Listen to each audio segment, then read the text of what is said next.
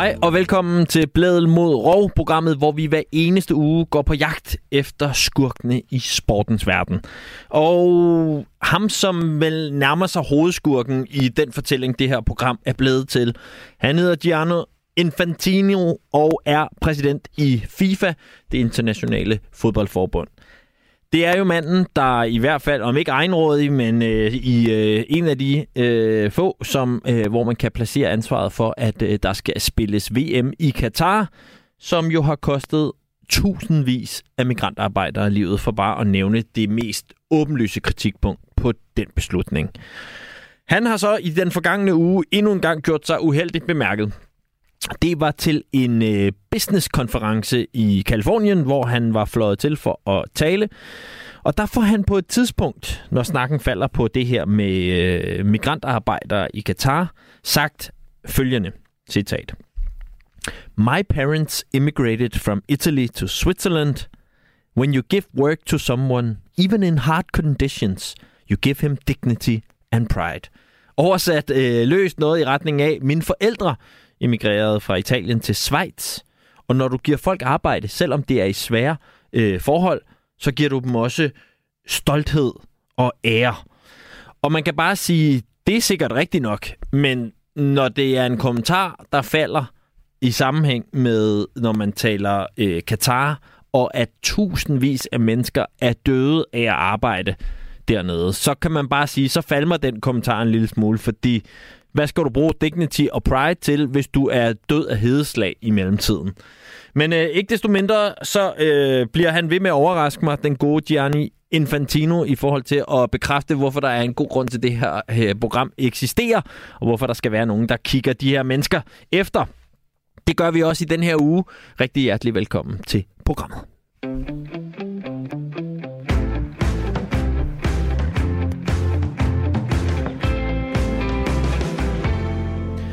Det er rigtig sjældent, at fodboldklubberne FCK og Brøndby er enige om noget som helst, men det er de omkring én ting. Begge fanklubber, altså Brøndby Support og FCK Fanclub, har meldt ud, at de er skuffet over den kollektive straf, der har været til de to sidste derbykampe, som endte med at blive afviklet uden fans fra udholdet. Det vil sige altså de to sidste gange, hvor de to klubber har mødt hinanden, så har udholdet ikke kunne få lov til at få sine tilskuere med ind på stadion. Og det er jo selvfølgelig en øh, straf, som er blevet, øh, som har ramt de to klubber, fordi der har været ballade de seneste kampe før der, hvor at øh, tilskuere fra begge hold har været til stede. Begge klubber har øh, været ude i en fælles udtalelse og skrive blandt andet, det har aldrig været gavnligt at uddele kollektive straffe, og det mener vi heller ikke gør sig gældende denne gang. Og nu har jeg så den fornøjelse at kunne byde velkommen til en fra hver lejr. Øh, Lars Thor øh, Jensen, du er formand i FCK Fanklub. Øh, velkommen til programmet. Tusind tak. Og på den anden linje har jeg også Sara Aerklint, som er forperson for Brøndby Support. Velkommen til, Sara. Mange tak. Nå, altså, øh, det skal ikke være nogen hemmelighed, at øh, jeg deler jeres frustrationer med tanken om den kollektive straf. Vi har sågar haft en, øh, en jurafilosof i programmet her øh, for en uge tilbage, som også øh, havde lidt svært ved, som ligesom udrullet hele ideen om kollektiv straf, og havde svært ved at se den lige passet ned i denne her øh, case. Men jeg, I er her jo lidt i dag, for at jeg så kan øh, læne mig tilbage og sige, spejl, hvad gør vi så, hvis det ikke er kollektiv straf, der skal være løsningen? Men, øh, men inden vi når dertil, så tænker jeg måske lige, vi kan få det på det rene. Øh, Sara, hvis du starter, hvad, hvad var det værste for dig ved et derby uden øh, udbanefans? Øh, det værste var, at øh, udover på banen, så var der ikke nogen modstander. Det betyder rigtig meget for, øh, for stemningen og tændingen, at øh, der står øh, 1500 nede i den anden ende, som man kan råbe til. Øh, så, så det var faktisk det værste for mig. Og Lars, altså, øh, du vil bare vildt gerne have været på Brøndby Stadion og lige se den der 1-1 blive sat ind i sidste øjeblik, eller hvordan? Ej, det vil jeg gerne. Ej, jeg vil da gerne have undgået lige det der 1-1, men, men jeg tilslutter mig Saras øh, analyse bare ved at sige, at, det, at det, det jo, der mangler jo bare noget. Altså nu, nu taler jeg jo selvfølgelig om, om, om øh, situationen i parken, hvor der heller ikke var nogen Brøndby-folk. Altså uanset hvor meget vi hader hinanden, så, så er det jo et element af fodbolden, at der er en modstander, man ligesom kan synge op imod, og, og, og, det, og det, det smager jo bare lidt bedre. Jeg er sikker på, at øh, Sara sikkert også været glad for, at man kunne se nogle slukkede FCK-fans gå hjem, lige så vel som vi ville have været det til Brøndby-fans Og øh, mens at øh, Lars' forbindelse forhåbentlig lige kommer i orden igen, der du faldt lige ud kort. Bare øh, nogle, øh, nogle fans. Ja, øh, Lars, du faldt bare lige ud i, i et øjeblik. Ja. Øh, du var lige ved at sætte ord på Ja, det her med, undskyld. med øh, hvor vigtigt det er med den her modstand på lægterne også. Nå, ja, men det, det er jo det er netop det der med, med som jeg siger, at øh, med at kunne spejle sig, eller, eller det, man kan synge op imod, og, og skabe den der stemning, der nu engang er. Og øh, ja, som, som sagt, at se måske modstanderholdet gå slukket hjem, når man vinder. Øh, jeg er sikker på, at øh, Sara sikkert også gerne ville have, have ønsket, at der var nogle slukkede FCK-fans, der var taget hjem i det lidt øh, i søndags. Øh, men det er bare en del af spillet, det der med, at der er udbanefans. Det andet er altså bare en tom fornemmelse. I har jo øh, i øh, begge klubber været enige om det her med også så at lave et stemningsboykot i forbindelse med de her øh, to øh, derbis, øh, som jo så betød, at øh, der var et vis antal minutter i hver kamp, hvor at øh, hjemmeholdets fans, som var de eneste, der var til stede, ligesom holdt igen med at synge og øh, skabe den store stemning, indtil man nåede til et vist punkt. Øh, den beslutning var der bred enighed øh, øh, i baglandet? Oplevede I ikke nogen som helst, eller nogen af jeres fan, medfansgrupperinger, der synes om, der satte spørgsmålstegn ved, om, om det var den rigtige vej at gå? Sara, du kan få lov til at svare først. Jo, øh, Ja. hvis jeg må til Nå, nå okay. Ja, der, der kom Lars. Øh, I var jo de første. Nå, nej, Sara, Sara, nu Sara, du, du får lov til at svare. Nu, nu var jeg bare så hurtig. ja, og det er okay. Du svarer først, Sara. jamen altså, øh, vi, vi havde da nogen i baglandet, der ikke helt kunne forstå det. Øh, og mente, at det her det er jo en, en vigtig kamp for os. Øh, sådan derby, det er altid vigtigt. Så vi skulle da støtte spillerne. Øh, jeg vil sige, iblandt øh, os, der er med til at træffe beslutningen, der var der ikke meget betænkningstid om, at det her det var noget, vi skulle gøre. Så, øh, men der har da klart været en, øh, en, en lille splittelse øh, og nogle spørgsmålstegn ved, ved beslutningen. Det er der ikke nogen tvivl om. Og hvad siger du, Lars? Jamen, det var det samme, vi oplevede, og, og, og man kan jo selvfølgelig godt forstå det. Det er jo, det er jo en vigtig kamp, øh, både kan man sige for vores vedkommende i forhold til mesterskabsspillet, men det er jo men det er også et derby, så der, der er rigtig mange følelser på spil. Så selvfølgelig var der nogen, der ligesom tænkte, at hvorfor sætter man det her øh, på spil ved at lave en stemningsboykot? Men der var vores ting, at vi blev også nødt til at se øh, fremad. Altså vi blev nødt til at tage det lange træk. Det her, det handler jo egentlig ikke kun om den ene kamp her. Det kommer handler også om den fremtid, især fordi mange tilskuere, som jo netop nu, når vi skal til at snakke kollektivt, bliver udelukket for nogle fås handlinger. Øh, og det er, jo, det, er jo de, øh, det er jo det, vi gerne vil gøre opmærksom på med det her, og sige, altså, det nytter jo ikke noget at skære alle ind over en kamp, så vi får de her kampe, hvor der, hvor der ikke er den, den nødvendige øh, tænding og atmosfære til. Og så hvis vi nu kigger på det her med, øh, altså det som, øh, hvad kan man sige, Divisionsforeningen har håbet på at opnå ved den her kollektive straf, det er jo selvfølgelig mindre ballade. Og man kan sige, udover at det helt åbenlyst kommer noget, var noget mindre ballade til de her to kampe, fordi at øh, der ikke var øh, nogen at blive øh, sure på efter kampen. Øh, hvis vi så kigger lidt fremad, tror du så på, at det har en effekt? Altså tror du på, at nogle af dem, der har lavet ballade, at de kunne komme på bedre tanker af at opleve, at de bliver frarøvet sådan to kampe her, som, som de ellers øh, elsker? Nej, det tror jeg egentlig ikke nødvendigvis, at sådan det, det fungerer, fordi der, der skal man også bare forstå, at der er et spil i det miljø, som, øh, som uanset hvordan det har set ud til kampen før, øh, fortsat vil, vil eksistere. Så, så det vi andre skal gøre, det er jo i stedet for at fokusere på, hvad er det, der har virket tidligere, øh, hvad har så måske ikke virket, øh, og hvad, hvordan kan vi øh, forhindre de her episoder i at opstå. Og det er jo noget, vi har råbt op om faktisk siden sidste øh, derby i efteråret, som øh, har medført de her konsekvenser. Og hvis vi lige tager dem med det samme, hvor er det, du ser sig, at der er nogle muligheder for at gøre noget, der kan forhindre den her ballade, men som ikke er at, øh, at straffe kollektivt? Jamen altså, vi så jo en masse svigt og en masse huller i forhold til aftaler, der tidligere har været på plads. Det helt ned til øh, noget hegn, der ikke var, som det plejede, øh, når man nu skal helt tilbage til før corona, for at finde noget, der hedder plejer. Mm. Øh, og det var øh, politiets ta- taktik omkring, øh, hvilken vej skulle man gå osv. Øh, så kan det virke dumt at øh, inddrage politiet, fordi det er jo ikke dem, der laver balladen, men det er måske også dem, der skal sikre, at øh, vi andre vi kan gå trygt rundt, uanset hvilken farve, farve vi har på. Og det gør man bedst ved at overholde de aftaler, der bliver lavet. Så, så for os at se, så handler det om, at vi skal have de her aftaler og strukturer på plads. Så øh, alle os, der vil undgå ballade, vi ved, hvor vi skal opholde os på hvilket tidspunkt øh, fremadrettet. Lars, øh, udover at jeg forestiller mig, at du er enig i de pointer, er der så noget, øh, som du kan få øje på, hvor der er nogle, nogle knapper at skrue på, som er noget andet end at sige, at øh, så kommer øh, hele øh, holdets fans bare ikke med?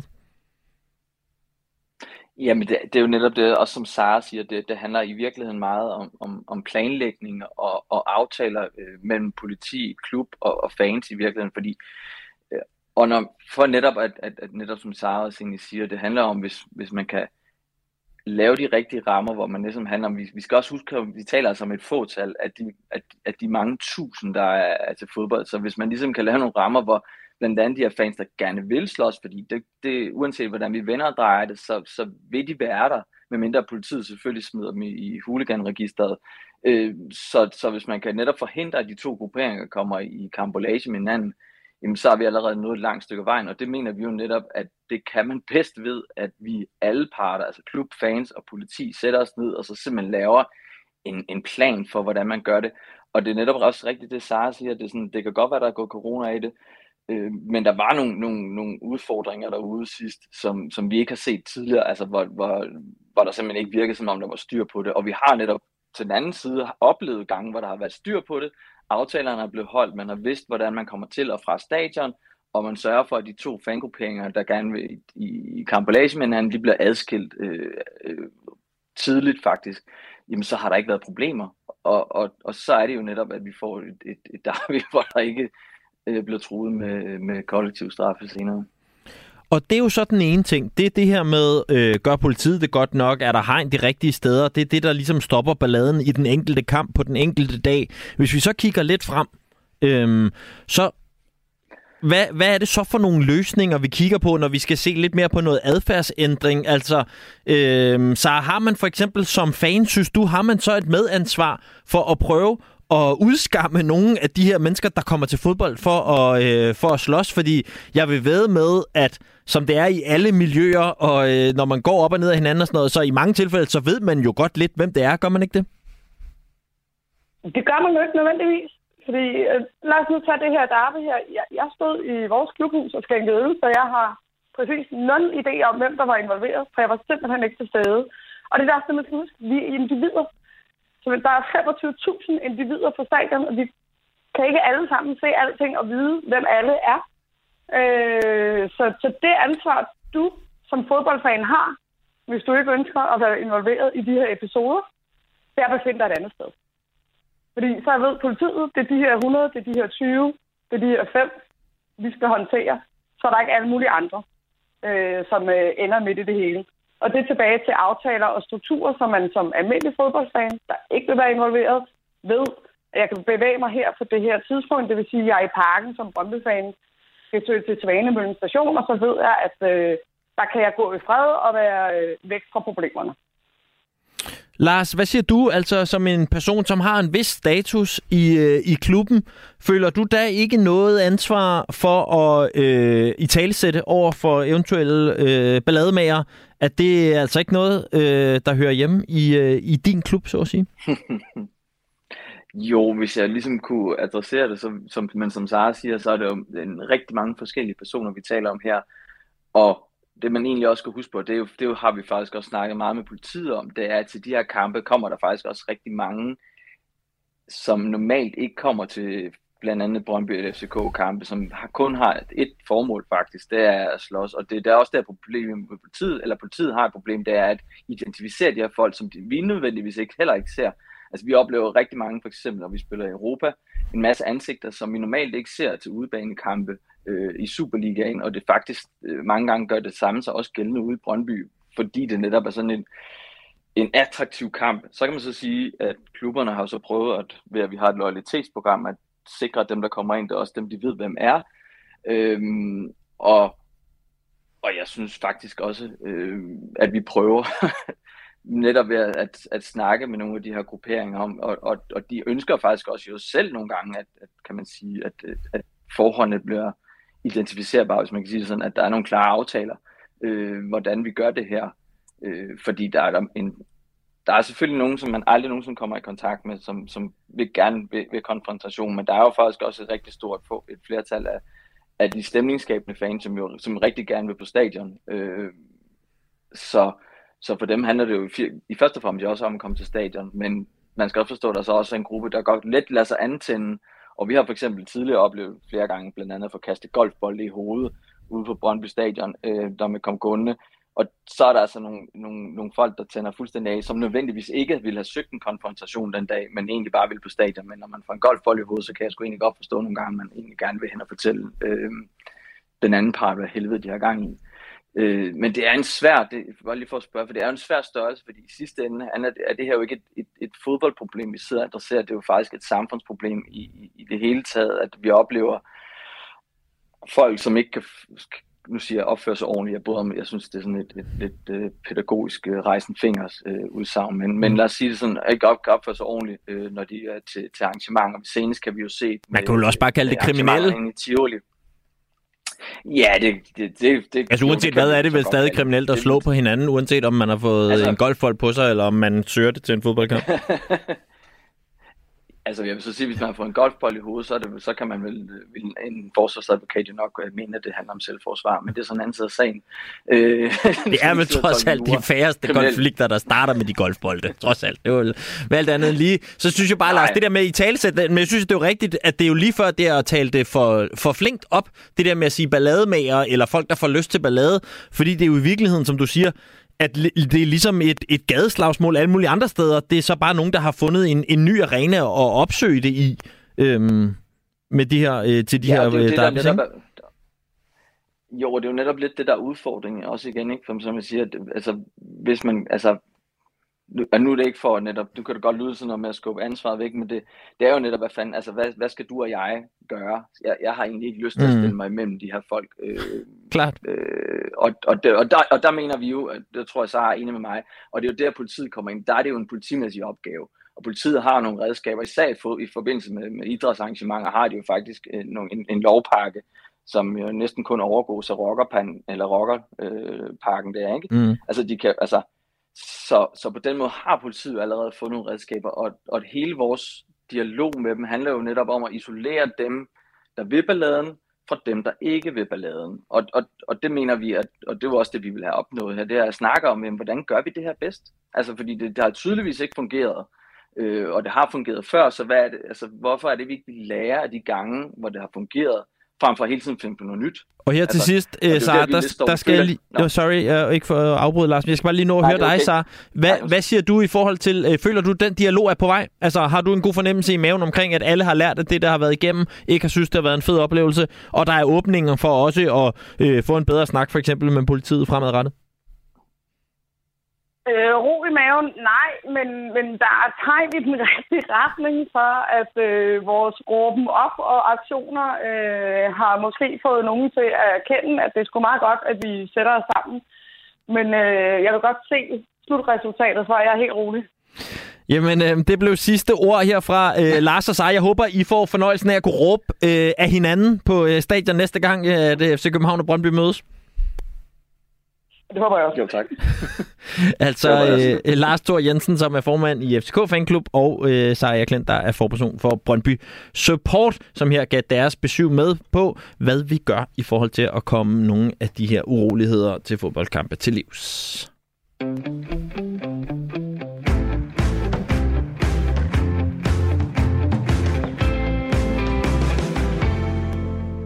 På søndag er der Copenhagen Marathon. En 42 km lang og for nogens vedkommende også pinefuld løbetur, for andre øh, fornøjelig. Øh, og al den her snak, som der ofte sker, når der kommer til, øh, til Copenhagen Marathon, det er meget noget med trafikkaos, i hvert fald øh, hvis man er i det københavnske. Øh, men jeg synes, at det kunne være spændende at prøve at dykke ned i, hvad det er, det der med at løbe langt, det gør, ud over, og, øh, ud over det rent øh, fysiske i forhold til at måske at, øh, øh, give dig øh, noget sundhed der, øh, så slår det mig, at når man taler med nogle af de her mennesker, der øh, rigtig godt kan lide at løbe langt, også længere end et maraton, altså handler det øh, ret ofte ofte om noget op i hovedet, mere end det handler om noget øh, nede i benene eller i lungerne for den sags skyld. Og det spørgsmål har vi så prøvet at tage med videre til to, som jeg tror egentlig ikke vil føle sig stødt over, at jeg kalder dem for løbefanatikere. Fordi øh, tidligere i dag, der har vi haft talt med et par af dem. Øh, den første, vi skal høre fra, det er Kim Setter. Han øh, er også kendt som øh, DJ Noise, tidligere verdensmester øh, i øh, som DJ. Øh, og han altså virkelig mildest talt elsker at løbe, og også løbe rigtig langt. Øhm, og øh, tidligere i dag, der talte øh, reporter Sara med øh, DJ Noise og spurgte ham, hvornår det der med at løbe egentlig startede for ham. Jeg startede med at løbe, da, da min kone havde født vores barn nummer 2 og 3, fik tvillinger, så skulle hun sådan ligesom til at løbe sig i form igen. Og så den basketballhal, jeg spillede i, havde fået vandskade, og så begyndte jeg at løbe med hende, bare for at få noget motion. Og så genopdagede jeg ligesom løb, for det havde jeg gjort tidligere, da jeg var yngre, øh, bare med atletik. Øh, og så da jeg så genopdagede det og fandt ud af, at det var noget, der passede meget bedre ind i familielivet, at man rent faktisk kunne gøre det, når man havde lyst, og ikke skulle tage til to eller tre basketræninger om ugen og kampe i weekend eller så videre, hvor man skulle efterlade konen med børn og lektier og aftensmad og alt sådan noget der. Det, det var noget, der passede lidt mere ind i en struktureret familieforhold. Hvad er sådan det længste, du har, du har løbet på en dag?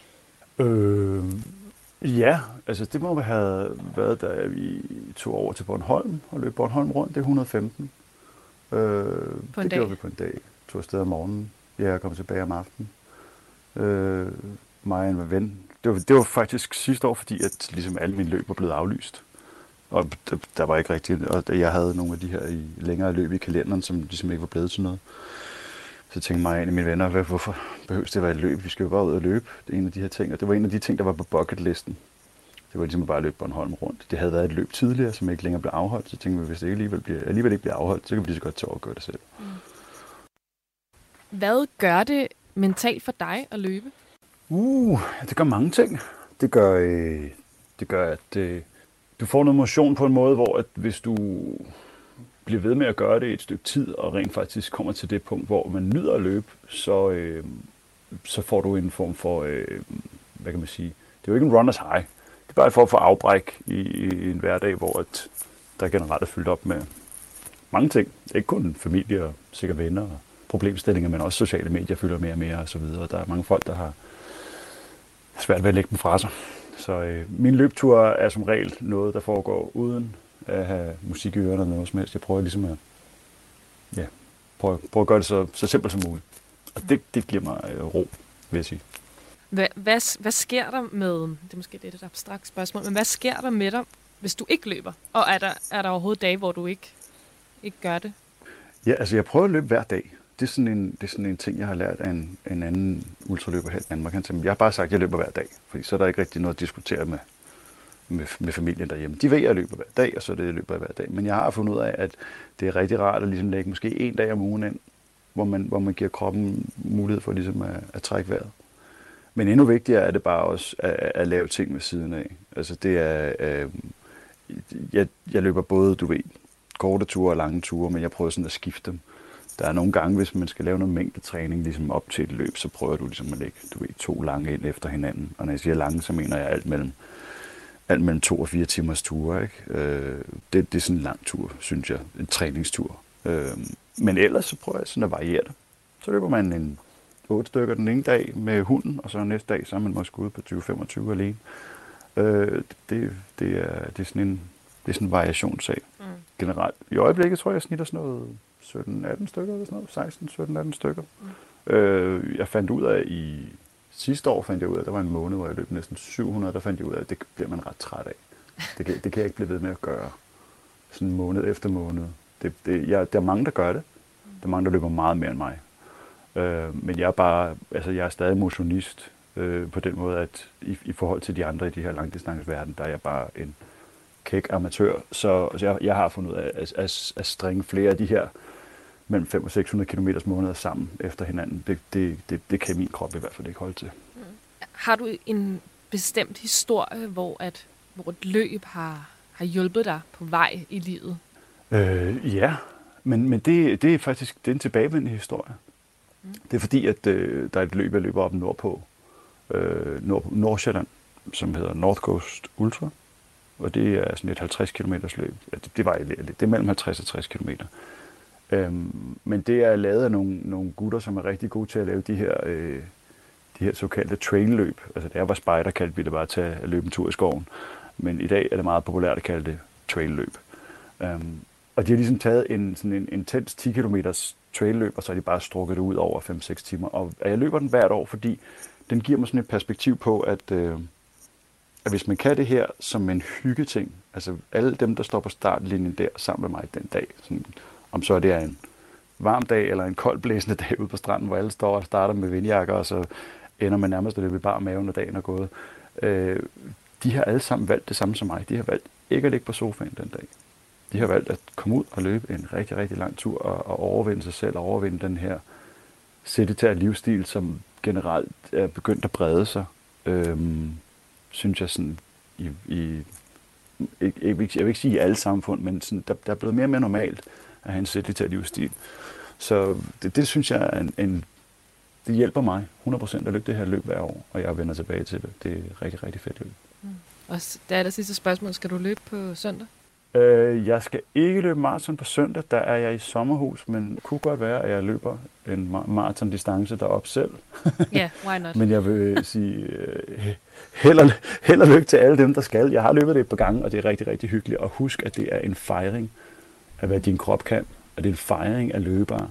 Og alle dem, der er sure over, at byen bliver lukket af på grund af et maraton osv., osv., osv., det er løbernes årlige fest, hvor de fejrer sig selv og hinanden.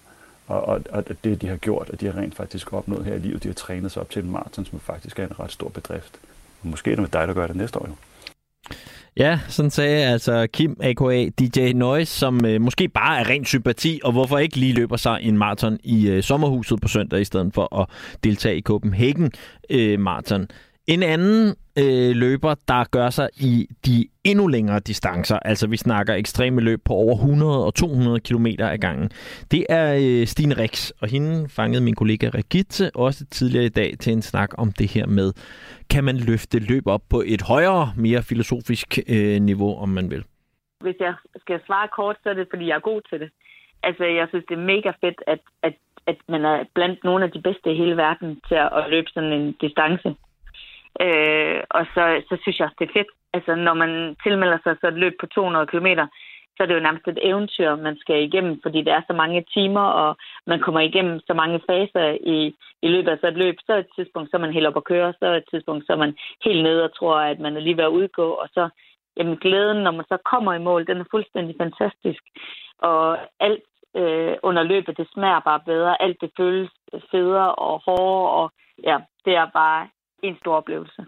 Har du også bare startet med et, et halvmarathon og så et maraton, eller er det ja. kommet bare sådan? det kom faktisk ved, at jeg havde løbet rigtig mange maraton, og på et tidspunkt, så havde jeg den der følelse af, når jeg stillede op til et maraton, så var, var glæden der ikke på samme måde mere, fordi jeg gik mere op i at vinde det, end at bare at, at nyde oplevelsen og så videre. Og så har jeg faktisk besluttet, at nu vil jeg øh, stoppe med at konkurrere, og så bare løbe for sjov, fordi der er så mange fede ting, løb også kan. Øh, og så en aften, fredag aften, så siger jeg så til min mand øh, i sofaen, skal jeg tro så jeg kan løbe 6 timer? Så siger jeg, ja, det kan du sagtens. Hvad så med 12 timer? Så sagde han, øh, ja, så kan du bare gå ned ad vejen. Hvad så med 24 timer? Og så kigger han på mig og så sagde han, det kan du ikke. Det er sådan nogle sindssyge nogen, der gør det. Og så tilmeldte jeg mig mit første 24 timers løb.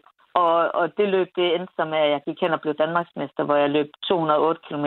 Så det var øh, den vildeste oplevelse, at man går fra og finde ud af, om man kan løbe over fire timer til at gå hen og blive Danmarksmester på 24 timer. Hvis vi så altså, prøver at koncentrere os lidt om, om selve løbet, hvad er det så, det gør mentalt for dig at løbe? Altså, jeg står op hver morgen og løber fra 5 til 6, og det gør jeg et, fordi at det er, det er en del af min træning, men to, så er det også bare den, det fedeste tidspunkt, det der om morgenen, hvor at lige nu så synger fuglene, og man kan sådan nærmest se, hvordan øh, at byen stille og roligt vågner. Jeg kan få styr på af min dag. Altså, jeg kører lige hele dagen igennem. Og, og så elsker jeg også at løbe og bare høre podcast eller lydbog, så når man ikke har tid til i hverdagen, så, øh, så giver jeg mig lige tid til det om morgenen. Så hver morgen, når vækkeuret ringer, så tænker jeg, ah, jeg gider ikke. Og så to sekunder efter, så tænker jeg, jo, jeg gør. Og så er det bare op og afsted. Og for mig, så er det bare altså, frihed at kunne løbe om morgenen. Og ofte så har jeg så travlt for at nå det, at jeg bare løber rundt i mit nattøj. Du elsker det virkelig. Ja, men det er fordi, for mig så er det bare øh, det at være udenfor i naturen og kan vågne op stille og roligt, øh, uden at der er stress på eller noget som helst, og så også bare lige få tænkt tingene igennem. Og, og hvis der er et eller andet på arbejde, jeg ikke kan løse, så synes jeg altid, at jeg får løst det på en eller anden underlig måde, mens jeg løber. Og nogle gange så tænker jeg, ej, det kan jeg ikke finde ud af. Så tænker jeg, jeg gemmer den til løbeturen i morgen. Og så er det bare stille og roligt, at brækkerne de bare sådan sætter sig sammen på en eller anden måde, mens jeg løber rundt. Og nogle gange tænker jeg ikke engang på det. Så er det bare lige pludselig, hvorfor så jeg ikke det? Og så er, så er problemet løst. Det er lige så meget for at få din egen hverdag til at hænge sammen, selvom Ja. du måske ikke rigtig har tid til det. Ja, lige præcis. Og så samtidig, så, så elsker jeg at, at bevæge mig. Jeg, jeg, jeg forestiller mig lidt, at det er lidt ligesom dem, der vågner om morgenen, og så skal have en kop kaffe øh, for at, at, at kunne fungere. Jeg, jeg bliver nødt til at løbe om morgenen for at kunne fungere. Jeg har prøvet nogle gange, hvor jeg ikke har været ude og løbe om morgenen, og jeg føler nærmest, du ved, at man går sådan rundt søvndysende hele dagen. Og, og det er det, jeg tænker på, når jeg vågner om morgenen. Så tænker jeg bare, uha, nej tak, så er hellere ud og løbe, end at gå rundt og ikke rigtig vågne. Er der overhovedet dage, hvor du ikke løber? Helst ikke. Men det, men det hænder, eller hvad? Det hænder nogle gange. Også for eksempel, hvis jeg har været ude til et langt løb øh, over 100 km, så gider jeg ikke løbe dagen efter. Altså, så går der nogle dage, så kan det gå op til en uge, inden jeg har lyst til at løbe igen. Jeg løber, fordi at jeg elsker det. Jeg gør det ikke, fordi jeg skal. Lige nu her synes jeg måske ikke, det er nær så sjovt, fordi jeg er ved at træne op til et løb over USA, som er 217 km i Dead Valley, hvor at sidste år, da de løb det, der var der 47 grader. Så lige nu, så har jeg øh, fem dage om ugen, hvor jeg skal løbe ind i et varmerum, hvor der er plus 40 grader på et løbebånd det synes jeg ikke, det er så sjovt, som at være ude og løbe om morgenen. Men du gør det alligevel. Altså, du skal alligevel jeg. til det her løb, selvom du ikke Ja. synes, det er sjovt. Ja, lige præcis. Men det er, fordi jeg blev udtaget til det. At jeg er den første danske kvinde, der nogensinde er blevet udtaget til det. Det synes jeg, det er sejt. Og så tænker jeg, at når jeg står ved starten, så vil jeg bare være så godt forberedt som overhovedet muligt. Og vi bor i kolde Danmark. Det er ikke lige så nemt at få de der varmegrader øh, løbende rundt i byen, så derfor så bliver jeg nødt til at være i et varmerum. Alle os på redaktionen, vi er tre, vi synes, det er død kedeligt at løbe. Hvis Ja. vi skulle begynde, kan du give os en grund til det? Jamen, altså, for mig så, så er det med, at man lige får ro i hovedet, og man får styr på tankerne, det er fuldstændig fantastisk. Men også, at, at det at komme ud og bare bevæge sig, det kan være, at den første uge, synes I, der er pisseirriterende, og det kan være, at efter 14 dage, synes det er træls. Men så når der er gået en måned, så begynder I stille og roligt ikke at, at hive efter vejret, og synes, det er bare hårdt hver eneste skridt, I tager. Så lige pludselig, så kan man faktisk kigge rundt og se på husene, eller blomsterne, eller tankerne kan myldre afsted. Så det er simpelthen bare opstartsfasen, der er røvsyg. Og, og, og, og hvis I bare siger til jer selv, okay, nu prøver vi lige en måned, og, og vi løber tre gange om ugen. Vi løber, hvad der lige passer til jer, alt mellem 1 og 5 kilometer. Og så må I ikke give op i, de, i den måned. Så prøv så at se, når I har løbet den måned, om, om I stadigvæk synes, det er lige så kedeligt. Så håber jeg jo så, at I gør det i tre måneder, fordi når jeg har gjort det i tre måneder, så bliver jeg afhængig af det. Hvis I gør det, så, øh, så, øh, så, så skal I ringe og fortælle, at I har klaret øh, tre måneder. Så, skal I, så får I en eller anden præmie. Okay. Så får I lov til at komme og løbe i mit varmerum. Ja, okay. Øh, jeg ved ikke, om det fungerede som en guldråd eller en pisk. Tanken om at skulle øh, løbe i øh, 40 graders varme i øh, Stine Rikses øh, varmerum. Jeg kan godt lide at gå i sauna, men det sidste, jeg har lyst til at gøre derinde, det er at stille mig op og begynde at løbe. Øh, men vi, øh, det kan da være, at vi giver det et skud. Jeg ved i hvert fald, at Rigitte har sværet, at hun går i gang med at løbe. Øh, så lader vi hende tage den for os andre til at starte med produktionen. Hvis det så viser sig at være rigtig godt, så kan det være, at vi andre kommer med.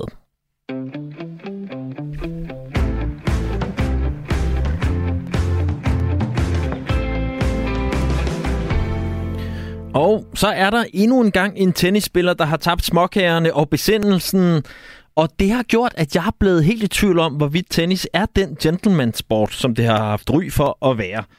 I den her weekend, der var det både dommer og publikum, der stod for skud, da tennisspilleren Denis øh, Shapovalov øh, blev sur. I kan lige prøve at høre på det her lydklip, hvor man, som godt nok er lidt svingende kvalitet, men man kan dog godt fornemme, at der er en tennisspiller i den anden ende, som ikke er specielt tilfreds med tingens gang. Dennis, I know, I know exactly what you were doing. I'm not doing anything that's sportsmanlike. How can you give me a point penalty for that? Uh, that's just the rule. No, it's not. It's stupid. That's so unfair. Ja, han starter sådan lidt mere øh, sådan barndomligt med, det er bare ikke fair til øh, shut the fuck up, som der blev råbt øh, fra tennisspilleren til øh, publikum til sidst. Og for at blive klogere på, hvad det er, der foregår med de her vrede øh, tennisspillere, øh, så har jeg nu ringet til tennissportens sidste gentleman, Michael Mortensen. Velkommen til programmet. Jo, tak for det. Tak for det. Altså kommentator på øh, Eurosport og selv tidligere professionel øh, tennisspiller. Inden vi går ind i sagen her, hvordan var du ja. egentlig selv som spiller? Øh, var du øh, hissiprop eller artiper på banen? Ej, jeg var nok lidt mere artig, Per. Det var, det var jeg nok. Men jeg må da også indrømme, at i min juniorår, der, der kunne jeg da godt blive lidt hissig og smide lidt med catcheren. Det, det skete i ny og næ, det gjorde det. Okay. Og hvad var det så, der skete for øh, Dennis øh, Shapovalov her, øh, da han blev så rasende? Jamen, han er jo en spiller med et ildet temperament. Det var ikke første gang, hvor han taber sutten. Øh, det gjorde han jo også i 2017, første gang, hvor han han slog en bold ind i ansigtet på en dommer, så han blev diskvalificeret, så, så Canada tabte til Storbritannien. Men han er en spiller, og sådan er det for mange spillere i dag, desværre. De er nogle forkælede, jeg skulle til at sige møgeunger, altså de har det simpelthen for godt. Det har de, altså de, de sætter sig selv op på en pedestat, øh, hvor de har svært ved at komme ned, og dem, der burde tage dem ned fra pedestaten, de har ikke uh, mulighed for at gøre det. Altså de her verbale udbrud i går, vi så på Shapovalov, altså det, altså jeg er ikke engang overrasket, for det sker meget ofte. Og øh, jamen, jeg synes også, det der med, at han kender jo godt reglerne, det der med at træde over på, på modstanderens banehalvdel, det står på side 1, første linje, og det gør man simpelthen ikke. Og så den måde, som han råbte til tilskuerne på, det, der burde han blive diskvalificeret med det samme. Men det er et problem, som jeg ser det på ATP-turen. Vi har også en uh, Alexander Zverev, der, der smadrede den ene catcher efter den anden og gik fuldstændig i græsærk i, i Mexico, i Acapulco, hvor han smadrede sin catcher ind i en dommerstol, så dommeren var ved at komme til skade. Altså, og så også en Nick Kyrgios. Og jeg læste en artikel, som Leighton Hewitt, der er Davis cup fra Australien, han siger, at det er jo simpelthen forfærdeligt, fordi de unge mennesker, øh, de tror, at de skal opføre sig på den måde, og de her spillere, som vi taler om, de burde jo være et forbillede, en rollemodel for de spillere, og det er de på ingen måde. Og de er jo simpelthen så privilegerede. Altså, de tjener jo formue. Altså, en, en Dennis Shapovalov, han er 23 år, har næsten tjent 9 millioner dollar bare i præmiepenge. Hvad han så tjener ved siden af? En, en Svadev, jamen altså, han er 25 år. Han har jo tjent, efterhånden har han jo tjent 32 millioner dollar, altså. Så, så, så de, de har en levestandard, som et eller andet sted gør, at de føler, at de kan tillade sig at se sig på den måde, som, som de gør, det er rigtig, rigtig beklageligt.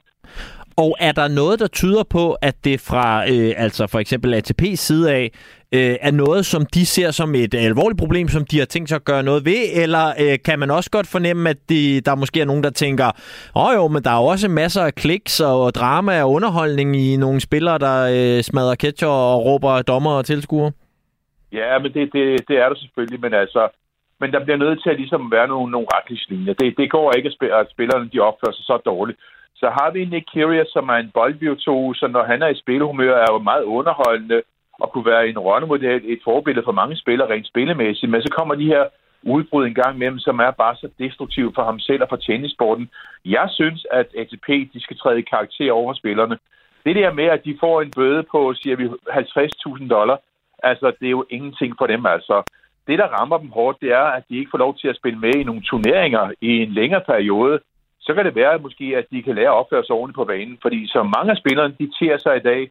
Det er bedrøveligt, øh, og det hører ingen steder hjemme. Selvfølgelig skal der være plads til de her udbrud en gang imellem inden for, for en rimelig grænse. Altså, vi alle har jo nogle dæmoner, som vi slæber rundt på, som vi skal blive fortrolige med. Og en gang imellem kommer der verbalt udbrud, eller en kæster lige ryger ned på, på banen. Det, det skal der være plads til. Men de her stjernespillere, det er bare no-go for mig. Og hvis vi så netop tager fat i det her, du siger, Michael, med at også være et forbillede for den yngre generation af spillere, øhm, så har vi jo en øh, meget øh, præsent øh, dansker i form af unge Holger Rune, der i øjeblikket er i gang med virkelig at bedrive nogle store ting på tennisbanen, men ja, som jo også har en historik med at øh, have råbt nogle homofobiske øh, tilråb på banen og have, have mistet besendelsen der. Øh, er han øh, i mellemtiden blevet meget, meget klogere, sådan så han har lagt det der bag sig, eller er han bare begyndt at spille meget, meget bedre, bedre og så er det det, vi fokuserer på? Ja, men det er rigtigt. Han er, og han er jo begyndt at spille meget bedre. Han vandt jo også lige her i, i München. Men han er altså kun 19 år. Han blev professionel i 2020. De andre spillere, som vi har talt om, de har været med de, de seneste 6-7 år, så de burde vide bedre. Altså, når man transformationen fra junior til senior, den er meget svær. Mm. Så der kommer altid en reaktion fra en spiller, som ikke er så rutineret, fordi de vil så gerne præstere. Det er jo det, vi har set fra, fra Holger Rune. Men han har taget ved lære af det her. Det så vi klart og tydeligt øh, i München. Han var ude i store problemer, men bevarer roen, det store overblik og, og spille sig ud af de problemer, som, som han kom i. Det har man ikke sagt, at der på et tidspunkt sikkert også kommer nogle verbale udbrud fra ham, men jeg tror nok, han vælger sine ord mere med omtanke. Øh, det der med at gestikulere og sådan noget, det er jo et, et tegn på, at man, er, man gerne vil, og man kan, og man tror på sig selv. Det er fint nok, men der skal bare være balance i det hele. Og øh, Holger Rune har nogle rigtig gode mennesker omkring sig, og jeg er helt sikker på, at de har talt med store ord over for ham, og forklaret, hvordan man skal opføre sig på banen og uden for banen. Og det synes jeg virkelig, han er god til. Jeg synes, Holger Rune uden for banen, han er, han er, han er virkelig imødekommende og, og meget kommersiel på den, på den gode måde. Så, så han har taget ved lære af det, for der var også mange store overskrifter. Og bare det, at vi taler om det så lang tid senere, øh, det, det, det siger alligevel en hel del. Og det sagde altså øh, Michael Mortensen, som øh, udover at være den sidste gentleman i tennis, også er øh, kommentator og finde over på øh, Eurosport til daglig. Tusind tak for din tid, Michael. Selv tak.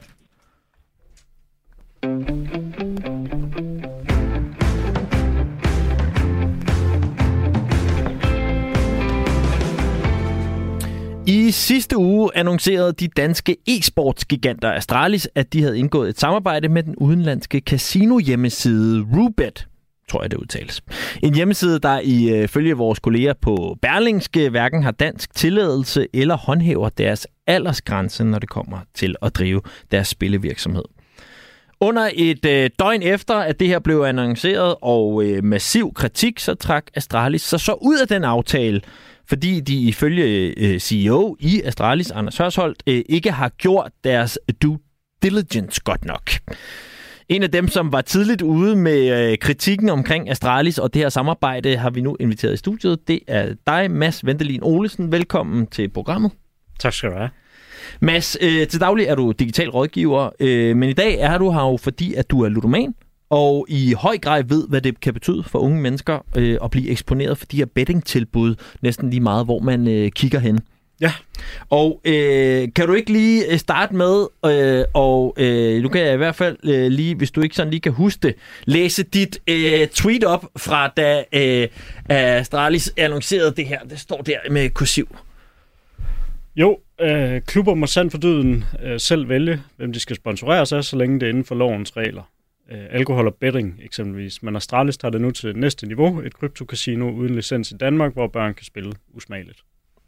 Og så prøv at sætte lidt flere ord på, hvad det var for nogle følelser, der løb rundt i, i kroppen på dig, da du, øh, om ikke skriver det her tweet, men da du så den her nyhed første gang? Jamen, øh, det kommer egentlig, jeg overvejer tit, når jeg ser sådan nogle lignende sager som det her, næsten uanset hvad det er, om jeg skal gå ind i debatten eller ej. Det, det, det er lidt som det er. Det, jeg kan ikke undgå, at betting er i, i samfundet, men øh, jeg har ligesom vurderet, at som ludoman, der kan jeg ikke lave om på, at jeg, jeg selv har et problem med at spille det ved at kæmpe med resten af mit liv, men jeg kan forhåbentlig kæmpe en kamp mod, at, øh, at nogle andre bliver ludomaner. Der er nogle, nogle børn og unge, som, som lader være med at starte med at spille, som jeg selv gjorde i sin tid. Øh, sidste år tog jeg kampen med kraftens bekæmpelse, da de lavede et casino, og i år var det så Astralis, som har som erklæret målgruppe Øh, at man har børn og unge som en del af sin målgruppe. Man har lige startet en klub inde øh, ved siden af Tivoli for unge mennesker, der skal komme forbi, og så laver man samarbejde med et kryptokasino øh, fra Kau Kau, tror jeg, de hører til på, øh, som sådan en lille skatteø. Jeg er ikke sikker på, at jeg udtaler det rigtigt. Øh, og laver en licens, hvor at, øh, det ikke er licenseret i Danmark. Man skal være medlem af have en spillicens i Danmark, som danske spil og Unibet og nogle af de mm. andre har, og det har den her spiludbyder ikke, hvilket betyder, at du skal ikke certificeres med NemID eller noget lignende for at blive aldersverificeret, hvilket betyder, at mange af de her unge mennesker kunne sætte en VPN op og relativt nemt sætte en konto op, og så kunne du, hvis du er 12 år gammel, lige pludselig begynde at, begynde at bette, selvom, øh, selvom øh, du ikke er gammel nok til det. Og hvis vi lige skal prøve at klargøre også for lytterne, hvad det er, der gør, at du bliver drevet til tasterne i øh, sådan en sag her. Øhm, alvoren i forhold til at øh, blive ludoman? Altså hvis du skal prøve at beskrive, øh, hvor, hvor hårdt det har påvirket dig, eller hvilke konsekvenser det har haft for dig, hvad vil du så fremhæve? Ja, jeg, jeg er nok blevet forskånet i det i forhold til så mange andre. Jeg har, har en familie, som har bakket mig op i, igennem det hele, og jeg har efterhånden valgt at være åben om det og ikke, og ikke skjule det. Men øh, jeg har smadret diverse relationer. Jeg har ødelagt øh, tillid i forhold. Jeg har dels mistet en masse økonomisk, det er jeg relativt ligeglad med. Det, det, det, det er ikke så vigtigt der, men når jeg er i de perioder, hvor jeg spiller, så er jeg ikke nogen særlig god version af mig selv. Øh, så ødelægger jeg det både for mig selv, men også for de mennesker, jeg holder mest af. Og det ønsker jeg jo for alt i verden ikke, at der er andre, der skal komme i den situation. Og når jeg har siddet i, øh, i ludomani-rådgivning, øh, så stort set alle, som jeg har siddet i gruppen med, de startede i de der tidlige teenageår øh, med at spille. Øh, nogle har startet tidligere, hvor de har været med ned og siddet i en spilautomat med deres forældre, øh, og prøvet det, og nogle er begyndt at otse i kiosken, da det øh, da vi var de der 14-15 år gamle, og vi fandt altid ud af, hvilken kiosk, der ikke spurgte om ID og sådan nogle ting. Øh, og i takt med, at, at det er blevet mere digitaliseret, er der, er der flere og flere øh, børn og unge, som jo så ikke kan starte lige så tidligt, medmindre de får lov af deres forældre. Og på de danske licenserede sider skal du så have et nem idé for at komme ind, hvilket gør, at de ikke kan starte, før de er 18. Mm. Øh, de kan ikke starte som de der 14-15-årige. Øh, og når der så kommer et ulicenseret side ind, som i det her tilfælde, øh, og sponsorerer nogen, der har en målgruppe til børn, så begynder de lige pludselig at smadre de tiltag, der er taget for at få færre ludomaner i Danmark, fordi der bliver stadig flere og flere ludomaner i det her land. Og når du siger sådan nogle ting som, at du oplevede, at det smadrede dine relationer, er det så fordi, at du bare bliver en grim version af dig selv, som er sur, når du har tabt penge? Eller er det, fordi du lover din nærmeste, at du stopper, eller du låner penge af dem, som du så ikke kan betale tilbage? Eller hvad lå der helt konkret i det? Jeg tror, der er fuld plade. Okay. Æh, i, i, altså for mig er en af mine, øh, mine øh, tilbagefaldstræk, at jeg begynder at isolere mig. Øh, jeg begynder at aflyse aftaler øh, til dig. Nu skal jeg passe på, for jeg lige aflyst en aftale i dag, så det kan godt være, at jeg bliver upopulær. Men, øh, øh, jeg begynder at isolere mig, jeg begynder at sidde mere og mere derhjemme. Øh, jeg begynder at lade være med at bruge mine penge på mad, øh, for at have flere penge til at spille for. Øh, jeg lyver om, hvad jeg skal. Jeg har lånt penge, som jeg kan få betalt tilbage. Uha, jeg tror, der er fuld plade. Jeg, jeg tror, jeg har lavet det hele. Det, det, jeg tror, det er løgnene, som gør mest ondt for, for min familie, når jeg har snakket med dem om det. Det, Øh, det er det der med, at, at, at man ikke kan stole på, hvad, man, hvad jeg siger. Og det, ja. det lider jeg jo stadigvæk under den dag i dag, fordi det er jo ikke tillid, man bare lige vender tilbage på, øh, på, på en eftermiddag. Mm. Øh, og så, så det vil egentlig betyde, at det skaber sådan en tvivl om, om alting, og også ting, der ikke har nødvendigvis, nødvendigvis har noget med ludomani at gøre. Øh, det kan være mine planer i en weekend, eller, eller hvad det nu lige er, øh, som lige pludselig kan lyde lidt shady, fordi jeg tidligere har løjet. Øh, og når, når jeg så begynder at spille, så ender det tit ud i sådan et spiral med, at, øh, at jeg kommer til at lyve om ting, som slet ikke har noget med ludomanien at gøre. Når man først er inde i spiralen, så, så kommer det til ja, ja. at... Så kommer det den til ene løgn aflader den anden. Ja, det gør det. Øh, og så er det svært at komme ud af. Øh, og, og det er svært ligesom at sige, øh, lige vende tilbage en halv time senere, sådan, jeg mener faktisk ikke det, jeg sagde der. Det, det, det, jeg ved ikke, hvorfor jeg løj om det, men det gjorde jeg. Mm. Øh, det, det, det gør man ikke lige, og så har du brudt tilliden, og så er svært at komme tilbage fra. Og når vi så ser på den her øh, sag med det her samarbejde hos øh, Astralis, hvor er det så, at det er for dig, for du siger, som du, du sidder også og overvejer, hvornår er det, jeg skal kaste mig ind i debatten. Øhm, i, din, I den bedste af alle verdener for dig, mm. eksisterer betting så bare slet ikke på noget niveau? Nej, eller? nej, nej, nej, okay. nej. Jeg er sådan du... relativt liberal menneske. Jeg siger heller ikke, at folk ikke må ryge eller drikke alkohol eller spille. Øh, overhovedet ikke. Og, og, og øh, jeg er ikke ude på at sige, at alle bettingsider skal lukke. Og, Eller at betting ikke må høre hjemme i sportens verden på nej, nogen måde? Nej, overhovedet ikke. Okay. Det, det, det synes jeg faktisk ikke, øh, at det er der, jeg er. Fordi selvfølgelig er der masser af mennesker, der kan styre det. Der er nogle ludomaner som mig selv, som det går galt for. Øh, men der er masser af mennesker, der bare kan hygge sig med det og, og lave en tipsklub, hvor de spiller hver lørdag med deres kammerater eller sådan et eller andet. Så det, det, har, jeg, det har jeg faktisk ikke noget problem med. Mit, mit, mit specifikke problem i den her sag var, at øh, de valgte en ulicenseret udbyder, øh, mm. som ikke havde licens til det i Danmark, hvor det lige pludselig begyndte at være nogle, nogle børn og unge. man kan sige, at hvis det var danske spil, så tror jeg ikke, jeg var gået lige så aktivt og bredt ind i den. Jeg har nok været ked af, at, at, det, at det i betting-verdenen også begyndte at gå efter det den vej rundt, mm. men Eksempelvis øh, er jeg FCK-fan. Øh, de har Unibet på trøjen, øh, og det kan jeg ligesom ikke gøre noget ved. Nej. Der står Unibet på en hel tribune og på trøjen, og det har så betydet, at jeg har, ikke, jeg har valgt at lade med at købe en FCK-trøje, siden det var det. Men jeg havde jo en med Carlsberg, hvor det stod på før. Det er bare betting, som er, er blevet min kamp at gå imod der. Ja, ja, man, så som... jeg, kan ikke, jeg kan ikke fjerne betting fra samfundet. Det Nej. er ikke mit drømmesamfund, og det er alle steder. Ja, det, det, nu, jeg tager nogle små få kampe, men for eksempel, øh, jeg ved, du arbejder øh, i Beam Audio Mm. øh, og laver podcast, og I jo også, har jo også en podcast i samarbejde med Danske Spil, ja. eksempelvis, hvor de også er med over at fortælle den historie, og det er faktisk et skide godt produkt. Jeg synes, det er virkelig, virkelig imponerende mm. godt at fortælle nogle gode historier, og dykker ned i nogle ting, som der måske ikke andre, der vil. Men det får jo formentlig også nogle penge fra Danske Spil på en eller anden måde, øh, eller i hvert fald stiller noget til rådighed. Selvfølgelig. Det er alle steder. Øh, ja. Det kan jeg ikke lave om på, øh, og det har jeg heller ikke et ønske om at gøre. Øh, der er også nogle folk, der drikker for meget. Det, derfor må der stadigvæk for min skyld godt stå vin nede i supermarkedet. Ja. Øh, så så det, øh, det er når det begynder at være børn øh, og, og, og unge mennesker, som skal opdrages til, til det, jeg begynder at have et problem i det, øh, og, når man går ud over lovgivningen. Nu ved jeg ikke, om det gælder dig, men du jo tydeligvis også ligesom sat dig ind i, øh, hvornår er det, at de her ting, de begynder at være med til at være en skyldfaktor i forhold til, at der er nogle ludomaner, der går i gang. Altså, det her med, at der står betting på trøjen øh, på FCK, og Astralis øh, har et eller andet samarbejde, hvor det bliver tydeligt, i, som sådan en, en ludoman, hvor meget påvirker det så en? Er det der, man bliver fristet af tilbagefald? Er det, når man bliver mødt af det, lige inden man skal til at se en god fodboldkamp? Nej, altså, jeg har snakket en del om det i de her grupper, øh, som jeg går i. Ja. Øh, øh, en gang hver anden, hver anden tirsdag går jeg i en gruppe med nogle andre ludomaner, hvor vi mødes og sidder i en cirkel og siger, hej, jeg hedder Mads, jeg er Ja. ludoman, og så videre. Ja. Øh, og når vi har snakket om reklamer, øh, vi snakkede især meget om det her, da der var fodbold øh, i EM, hvor Nørre, jeg tror det var Nørreport, der var helt klistret til i Mr. Green-reklamer, hvor det var over det hele. Ja. Øh, og alle objektive udefra set, som ikke var ludomaner, var sådan, det er forfærdeligt, og det er frygteligt. øh, og alle os ludomaner har nærmest ikke lagt mærke til det. Nej. Øh, for os, der er ludomaner, øh, er det alle mulige ting, vi prøver at flygte fra, som Mm. får os til at spille. Det er ikke reklamen i sig selv. Vi har brugt alle de bonuskoder og så videre, der er derude, dem, dem vi kunne få fat i. Ja. Øh, så det er ikke så, meget, ikke så meget det, men det er med til at drive nogle folk ind i det, mm. og lokke dem til og sige, okay, hvis jeg indbetaler 500 her, så får jeg 1500 tilbage et eller andet sted, eller hvad det nu er.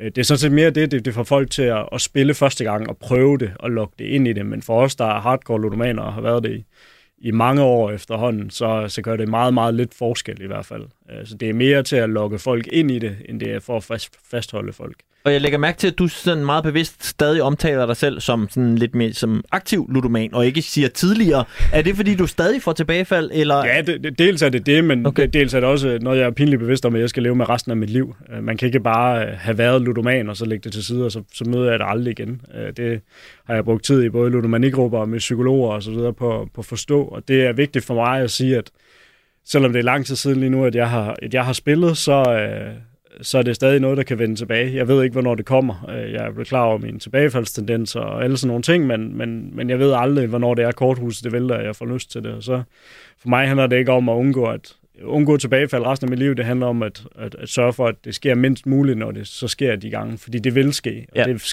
det vil ske for alle. Og hvis vi så kigger på øh, unge Mads, som øh, blev, øh, en, blev suget ind af noget øh, odds nede i, i kiosken, eller hvad det nu var i sin tid. Ja. Hvad kunne der være sket dengang, der ligesom kunne have forebygget, at du kunne have været endt der, hvor du er? Er det, at det simpelthen ikke var en mulighed, du var ikke stødt på det, før du var mere voksen, og din hjerne var mere udviklet? Eller kunne det have hjulpet, hvis det var dengang var fuldt med, at der var fuldt noget mere oplysning med i de første par gange, du prøvede det der med at spille? Altså, jeg ved godt, det er et meget teoretisk spørgsmål, Okay, men, ja. men altså, har du Hvis- tænkt over det? Hvis jeg havde den gyldne formel, så, så havde jeg forhåbentlig snakket med, med nogle, nogle andre øh, højt op et eller andet sted. Men øh, dels har man jo siden jeg var øh, i den alder indført det der, at man skal have sådan et spilidé Mm. for at kunne spille. Så det skal du vise i kiosken for at kunne spille øh, hos danske spillere Ja. osv. Så der skal du kunne bevise, at du er 18. Øh, før skulle man også vise et ID, men det blev ikke rigtig øh, ophævet Nej. øh, ret mange steder. Så dels synes jeg, det var en god idé, Mm. mm. øh, sådan at man, man ligesom sørger for, at det bliver mere besværligt for, for de unge. Øh, dels så øh, er der jo oplysning i det, og, og min måde har, har været at være rimelig åben og tale højt om at være ludoman. Jeg er sådan nogenlunde velfungerende menneske, udover at være ludoman. Øh, sådan, jeg har et, et godt arbejde, en god familie, og fede lejlighed, og, har et, et godt liv, og, og skylder heldigvis ikke en, en helvedes masse penge, som der er nogle andre, der, der er gældsat sat der.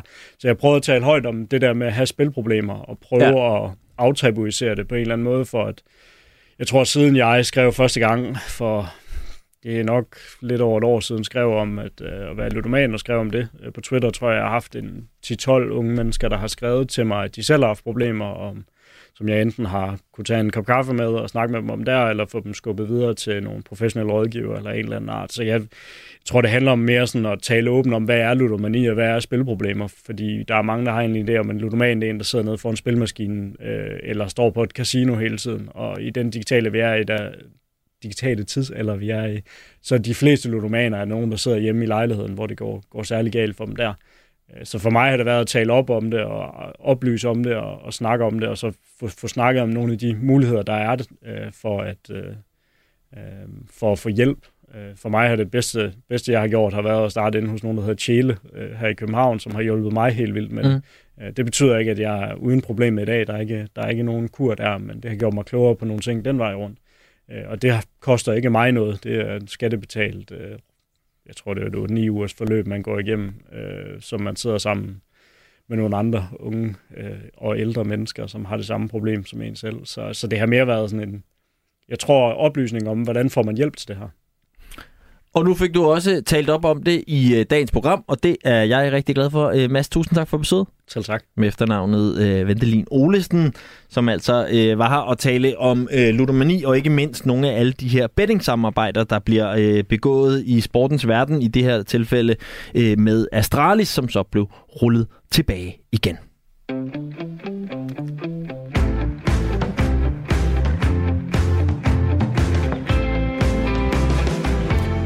Og vi når ikke mere i øh, dagens udgave af Bladet mod Rov. Du kan lytte med igen næste uge, samme tid og sted.